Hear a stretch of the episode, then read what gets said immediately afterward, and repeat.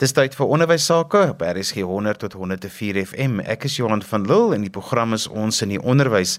Vandag is my gas Johan Besuidenhout, ervare onderwysleier, en ons praat vandag oor die bolke metode as 'n bestuursinstrument.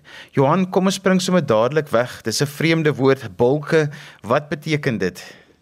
Johan, ja, ek wil miskien net terugkom na die bolke toe dat uh voor 94 het ons skoolhoofde so lekker dik 'n handleiding gehad vir skoolorganisasie en daar reeds het hulle vir ons hoofde leiding gegee waarvoor die bolke metode staan. Ek weet nie of dit daar vandag nog so iets is nie, maar die bolke is in kort staan vir beplanning vir organisasie, leidinggewing, kontrole en evaluering. Dit is die kernaspekte van die bolke metode.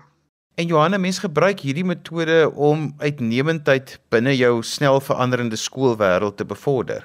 Uh, Johan, ja, uh, ek wil die bulke metode uh wil ek ook koppel aan personeelontwikkeling.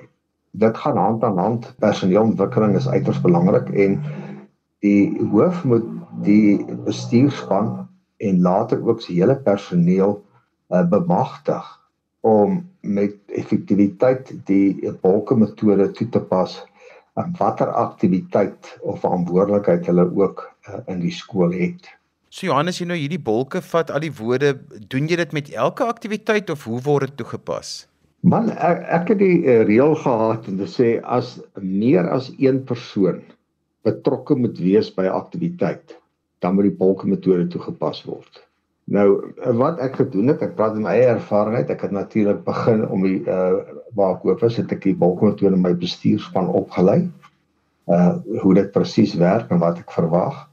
En hulle het uit die aard van die saak wanneer hulle nou 'n spanne bymekaar het kom byvoorbeeld nou uh die ou wat die kermis reël stel sy eie span saam en leer hy weer vir hulle die balkontoon. So op die einde van die dag het al jou personeel geweet presies uh hoe werk die polke metode in die skool. Maar ja, uh waar twee of meer persone betrokke is, uh het ek die polke metode uh gebruik in die skool. Johan, kom ons begin en ons gesels oor die bolke metode. Die eerste B van bolke staan vir beplanning. Wat bedoel jy daarmee en hoe kan 'n mens dit implementeer? Kom ons vat nou 'n praktiese voorbeeld. In die einde van die jaar doen die skoolhoof met sy bestuurspan die jaarbeplanning uh van watter aktiwiteite wanneer gaan plaasvind en een van daai aktiwiteite noem ek gee 'n voorbeeld van byvoorbeeld 'n kermis wees. Nou in daardie beplanning gee die hoof dan ook deur wie gaan aan die hoof van die kermis wees. Soos die beplanning van die uh, kermis is 'n vergadering waar die persoon wat aan die hoof staan van die kermis 'n komitee bymekaar stel en dan die aktiwiteit beplan so beplanning moet volledig wees oor die gebeure van die dag. En daar gaan 'n paar vergaderings plaasvind rondom die beplanning. En by daardie vergaderings uh moet dan gesprekke plaasvind op die komitee vlak. Dan moet innoverende denke wees.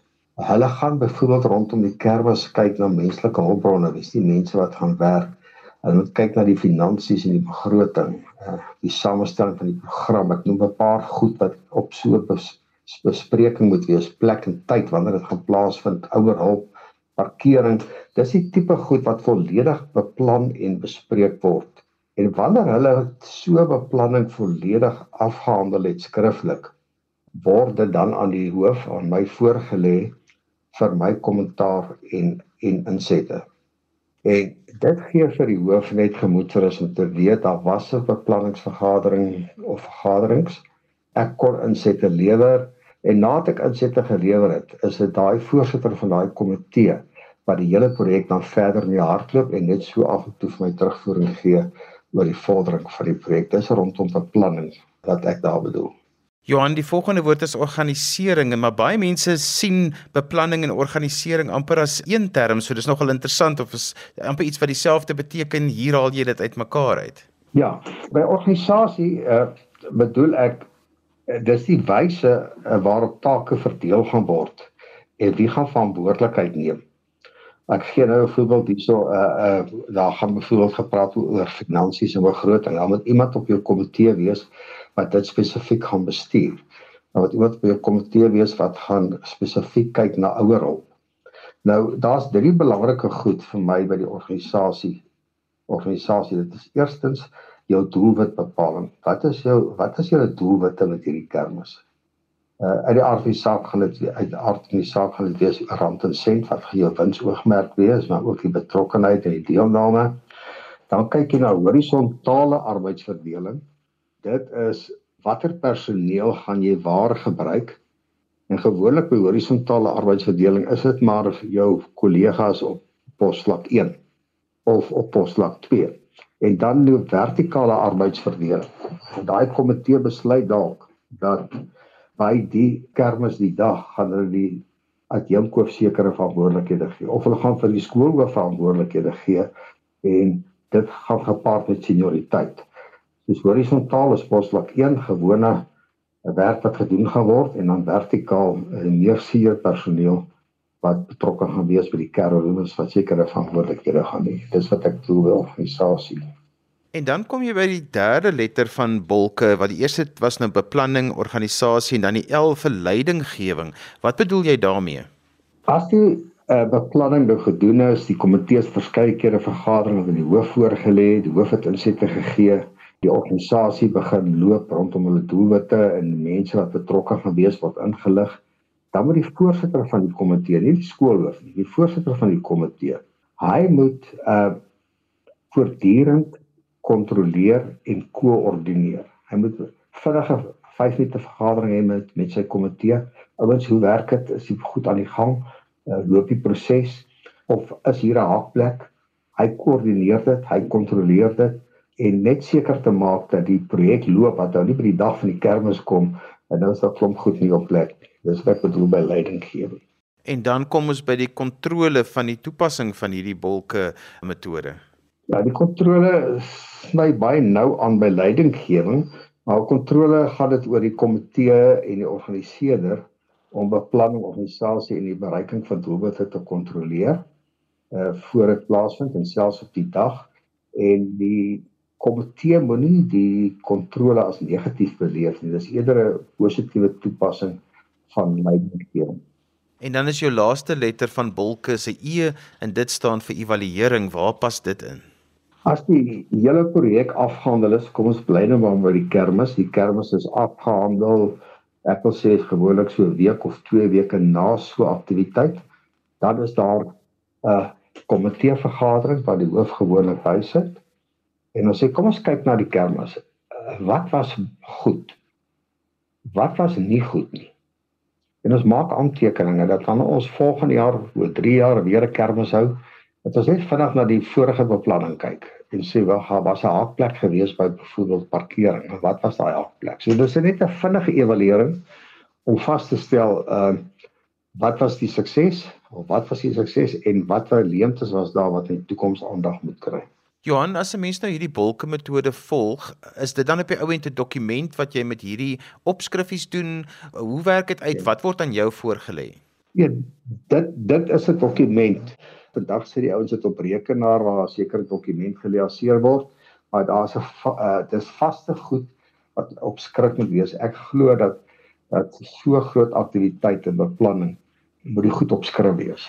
En dan moet aantekeninge gewees en moet 'n werksdokument wees. Soos ja, dit dit dit is so dat 'n vaste dokument is wat mense uh vorentoe weer kan gebruik wanneer 'n persoon 'n kermis aanbied. As jy sopas ingeskakel het, jy luister na ons in die onderwys saam met my Johan van Lille. Ons gesels vandag oor bestuursinstrumente. Ons het spesifiek nou die eerste gedeelte verwys na die bolke instrument. Die doel van hierdie instrumente is tog maar om projekte beter te laat gebeur en seker te maak dat die projekte ook 'n lekker lêplek by die skool vind en nie net iets is wat gedoen word sommer net omdat dit gedoen moet word nie. Ja, ek verseker, uh, ek dink die die die die hoofdoel van die bolkmetode is dat jy die dag uh van die aanbieding dat dit 'n uh, getuieskrif is vir die skool van goeie beplanning en goeie organisasie. En dan tweedens koppel ek weer personeelontwikkeling daaraan dat daai komitee wat die hele kermis beplan het in die proses vaardighede geleer het rondom bestuur dat een van hulle vorentoe dalk uh, die kermis kan uh, kan aanbied.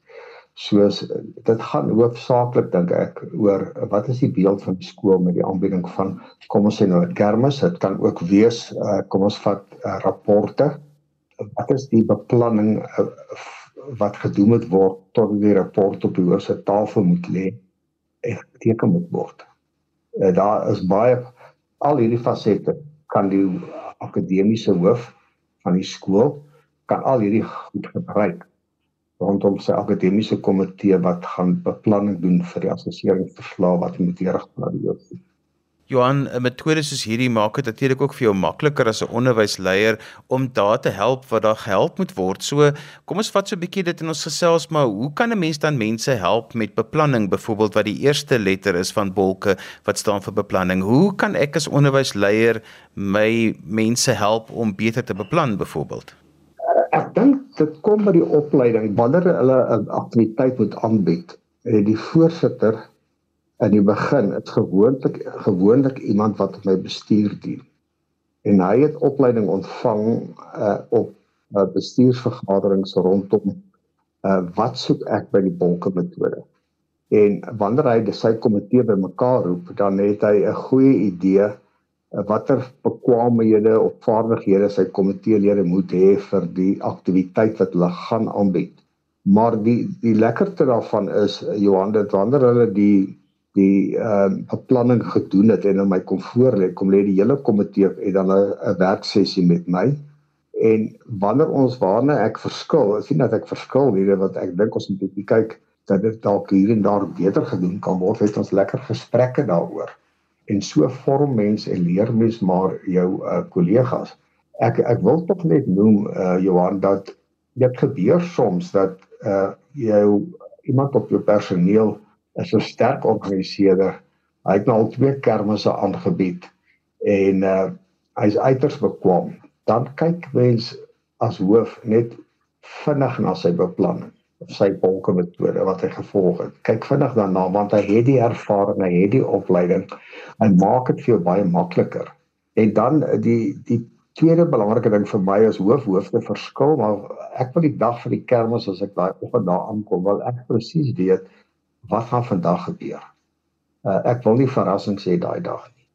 En dit die bonke metode voorkom dat daai dag verrassings kan plaasvind. Want jy weet presies wat beplan, wat bespreek was en wat gedoen gaan word. So jy is lekker gemaklik en ontspanne rondom die dag se aanbieding. Johan, dit is my so lekker template om te gebruik as om te sê as 'n leier, as 'n onderwysleier van jou skool, bemagtig jy eintlik mense deur vir hulle so struktuur te gee waar binne hulle dan kan kreatief wees, maar jy weet al die boksies word afgemerk en dan word aan alles aandag gegee. Ja, uh dit skep ook uh sekuriteit uh by by die personeel. En en hulle weet presies hoe dit hoe dit werk en daar's nie onsekerheid by hulle nie. En ja, mense tog ook 'n verantwoordelikheid Johan as as mense by jou personeel uh, weggaan vir 'n bevordering. En hy kom nou by sy nuwe skool en die hoof sê maar hierdie man is nou al 'n departementshoof. Hy moet 'n rugby dag kan reël wil ek graag hê die man moet moet kwam en, en bemagtig wees om dit maklik te kan doen want hy het die ervaring en die ondervinding by ons opgetel uh, hoe dit bestuur moet word. Johan, dis nogal belangrik as 'n onderwysleier dat as die span dit nou vir jou kom aanbied, dat jy die regte ingesteldheid sal hê want as jy dit alles uitmekaar uittrek, dan kan jy ook mense eintlik die mat onder hulle uittrek en jy kan hulle ontmoedig om regtig deel te neem of om hulle beste te gee. Ja, ek dink dit gaan maar oor 'n uh, gesindheid en vertrouensverhoudings. Ek dink dit is belangrik dat die personeel of die komitee moet moet, moet presies weet wat is die hoofse verwagting en ek dink 'n mens moet daarom menslik wees en en binne die verwagtinge van die personeel ook kan optree. Uh maar mense moet waak daarteenoor dat dit nie 'n uh, situasie word waar waar mense voel hulle is onbevoeg en onbekwaam ek wil eintlik nie die komitee dien nie, maar ek het dit nooit dit ervaar nie. Ek het ek het eintlik gehad dat ouens wel op die komitee dien. Hulle wil daai ervaring opdoen en hulle wil daai geleentheid kry. Jou vyfde letter is die E vir evaluering van 'n projek. Wanneer het jy dit gewoonlik gedoen? Jy het gesê net na 'n projek, maar mense is gewoonlik so moeg en gedaan dat ek baie keer wonder, kom hulle daarbey uit of hoe het jy dit seker gemaak dat hulle tog aandag daaraan gee want dit is so belangrik as die projek volgende jaar en die jaar daarna weer moet gebeur. Johan, uh, ek het gewoonlik uh, ek sê 'n week of twee, maar daai vergadering het ek wil hê as hoof. En ek het spesifieke tyd ingery na voor. Ek het gewoonlik vir 'n lekker koffie en 'n toebroodjie neergesit en net om die speelveld lekker aangenaam te maak. En dan het die ouens vrymoedig gepraat en jy weet jy moet op 'n vlak kom op personeel se manier hierdie ding het fantasties gewerk of ja meneer ek weet nie hierdie ding moet ons weer na kyk hy dit nie goed afgegaan nie en uh, ek het ook gevind dat personeel baie keer spontaan antwoord op mos meneer ek, ek, ek het hierdie ding nie goed beplan nie ek is nie gelukkig self in myself gelukkig met wat gebeur het nie. Ek dink as die hoof speel hier 'n groot rol en natuurlik die voorsitter van die komitee dat dit 'n waardevolle gesprekvoering sal wees. Dit net werklik 'n dokument sal word wat die volgende uh, kermis oor uh, wat het goed gewerk en wat moet aandag kry. Johan, want as 'n mens hierdie tipe formaat gebruik, dan is dit nie vir jou nodig om op die dag nou 'n klomp haas uit die hoed uit te ruk en noodplanne te maak nie. Ja, soms loop goed verkeerd, maar gewoonlik as jy jou beplanning en jou organisering reg gedoen het, dan het jy basies gedink aan al die scenario's wat kan verkeerd loop ook. So dit maak dit vir jou daai dag 'n bietjie makliker as 'n bestuurder. Jy hoef nie net op mense rang te trek of te skreeu om te sê wat gaan nou aan vandag nie. Nee, uh, verseker. Uh, uh, en ek het dit gevind ook by vele aktiwiteite. Ek ek vat nou maar hier 'n kermis. Uh, dit kan selfs 'n ouer aand wees, né? Uh hang af hoe wat 'n formaat 'n skool ouer aand aanbied. Ouer aande uh, dat dit loop verloop vlot. Uh, dit skep 'n goeie deelt. En ek wil tog ook noem dat uh, wanneer jy goed by my op my tafel was en ek het my insigte gelewer dat daardie dag van die kermis moet die komitee nie na my toe kom oor sekere goed wat hulle wil verander of wat aandag moet dan gaan na die voorsitter van die komitee. Ek bemagtig hom dat hy daar besluite kan neem. Ons kan later praat of dit 'n goeie of 'n slegte besluit was. Maar hy dra dan die volle verantwoordelikheid van sy aanbieding van sy kermis. Ek wil dan op so 'n dag wil ek my skool geniet, ek wil my kermis geniet. Ons sal later praat oor was dit goeie of 'n slegte besluit. Johan, want dit is so 'n belangrike aspek wat jy daar aanspreek van as 'n onderwysleier en as jy jou mense wil bemagtig dat jy nie op daai laaste minuut nou miskien baie mense wat sê o, die skool gaan inkom en hy gaan nog vier stoele skuif en hy gaan die panier skuif of hy gaan iets doen met dit. Ja. En dit is goed wat mense miskien lag hulle daaroor en is vir hulle snaaks, maar dit is ook goed wat mense ondermyn. Ja, nee, uh ek ek dink 'n hoof moet moet daar ek wil amper sê sy plek hê as hy sy werk gedoen het en dit reg gedoen en die bolkmetode het reg verloop.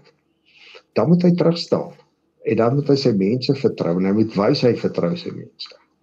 En hy moet vir daai leier van daardie kermis of aktiwiteit moet hy daai geleentheid gee om om dalk werk ding nie maar dat hy daai besluit kan neem hoe om dit reg te stel hoe, hoe, hoe om dit te bestuur wat ons moet tog mense in die veld kan stoot vorentoe wat wat groter aktiwiteite kan aanbied as net 'n kermis en hy moet nou dit kan uh, leer. So jou rol op daai dag as 'n onderwysleier is nogal belangrik dat jy die regte lyftaal het, die regte boodskap uitstuur en waar jy moet wees en betrokke wees. Ja.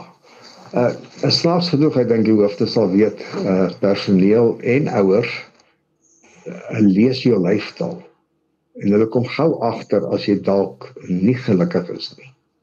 Soos uh, om dit vir myself makliker te maak uh, was ek gemaklik. Ek ek het die bolke ernstig opgevat vir al die beplanningsvergadering. En dan die terugvoering wat my leiertjie vir my uh, voorsitter vir my deurentyd moes gee om te sê hoe die proses verloop. Dat ek daai dag uh, gemaklik is. En nie hier rond inspring en ek dra kaste koeldranke rond of uh, help papiere optel. En daai goed moet beplan gewees en dan moet iemand wees byvoorbeeld wat gekyk het dat die terrein skoon bly. Ja, en met so 'n dag uh, is dit af en toe nodig dat ek vir die voorstel iets in sy oor fluister, maar dit is dis klein goedjies. Dit is nie groot goed wat 'n uh, wat 'n preek maak op sy beplanning vir die dag. Johan, want vir jou as onderwysleier bly dit darem maar 'n vreugde as jy vir iemand die verantwoordelikheid gegee het, hulle het reg beplan en die dag verloop net soos 'n droom en as daar krisisse was, kon hulle dit ook hanteer en dan is dit nogal lekker om daarna te kyk om te besef maar jy het iemand ontwikkel hierdeur. Ja, uh vir my het dit groot genoegdoening gegee uh as ek sien hoe my mense ontwikkel het, as ek sien hoe van my mense bevordering gekry het, hoe hulle suksesvol is in hulle skole.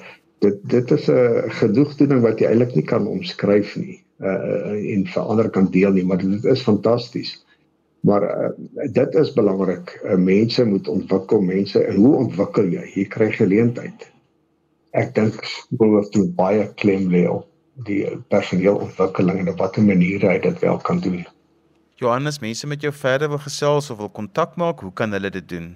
Johan, uh, daar's twee maniere. Een is met my e-posadres. Hulle welkom vir my e-pos te stuur by onderwyskonsultant@gmail.com of my boek is beskikbaar by uh, my webwerf johanbes.com en daar kan hulle meer inligting kry oor die uh, bestel van so 'n boek van my. En daarmee het ons gekom aan die einde van vandag se ons in die onderwys. Ek het gesels met Johan Besaidenhout, ervare onderwysleier, en ons het gepraat oor die bolke metode as 'n bestuursinstrument. As jy sopas ingeskakel het en jy die eerste gedeelte van vandag se program gemis, onthou jy kan weer daarna luister as 'n potgooi. Laai dit af by resgep.co.za. Skryf gerus vir my e-pos by Johan van Lille@gmail.com. daarmee groet ek dan vir vandag tot volgende week van my Johan van Lille. Totsiens.